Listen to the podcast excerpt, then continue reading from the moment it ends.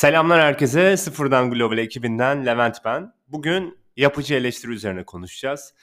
Son zamanlarda sosyal medyada gördüğüm postlarda işte postun sahibini gömdüğümüzü, çok fazla o konu üzerinde bilgi sahibi olmadan eleştirdiğimizi görüyorum. Yani bu zaten bayağıdır yapılan bir şey.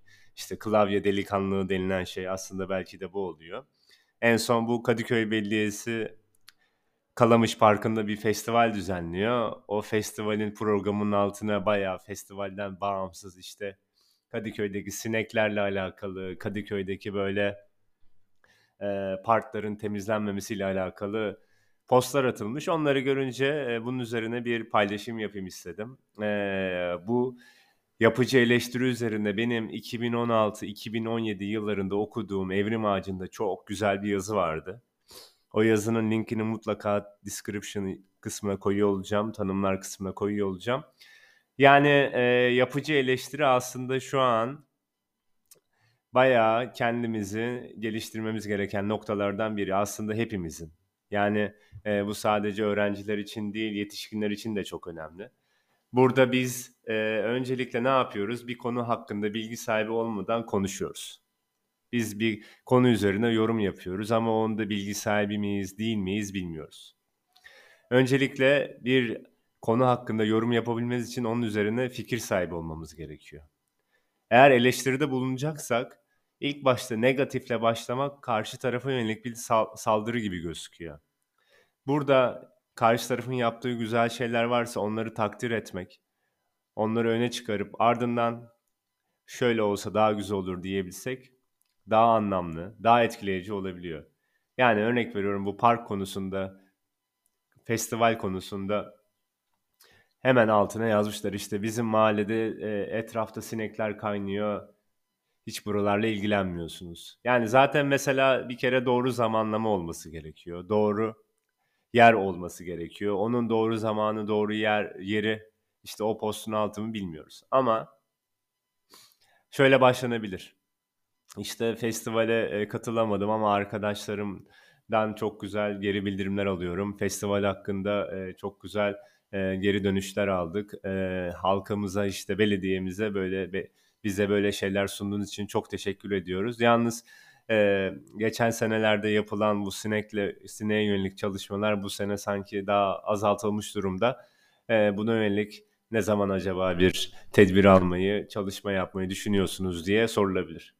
Yani bu mesela bu iş yerinde de böyle, arkadaşlıkta da böyle, her yerde böyle. Yani sadece bu postla alakalı değil. Yani iş yerindesiniz. Mesela müdürünüzle konuşuyorsunuz. Ondan bir talepte bulunacaksınız. İlk başta ortamı ısındırmak gerekiyor.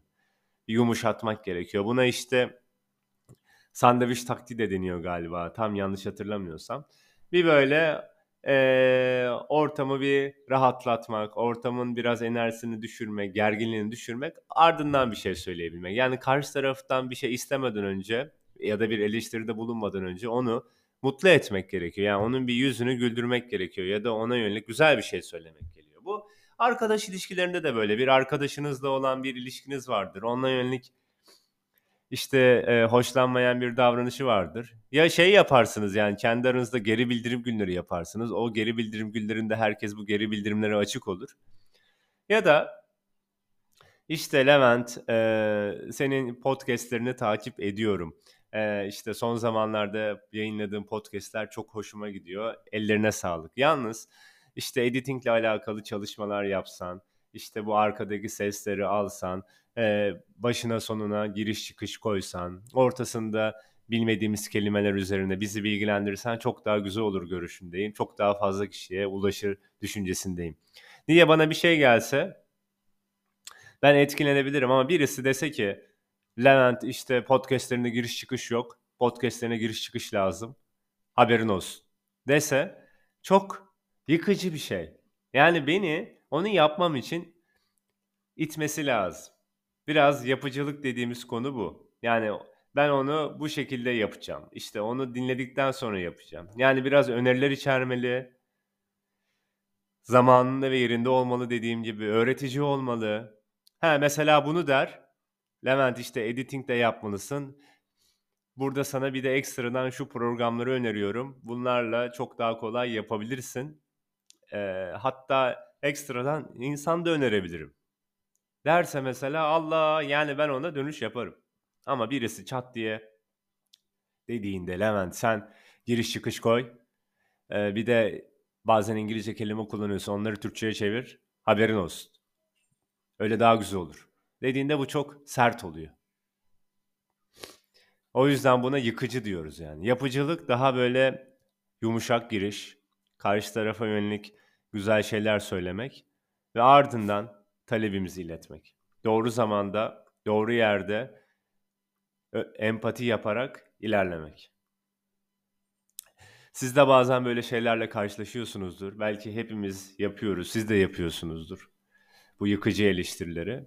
Ee, bu bence iletişimde çok önemli.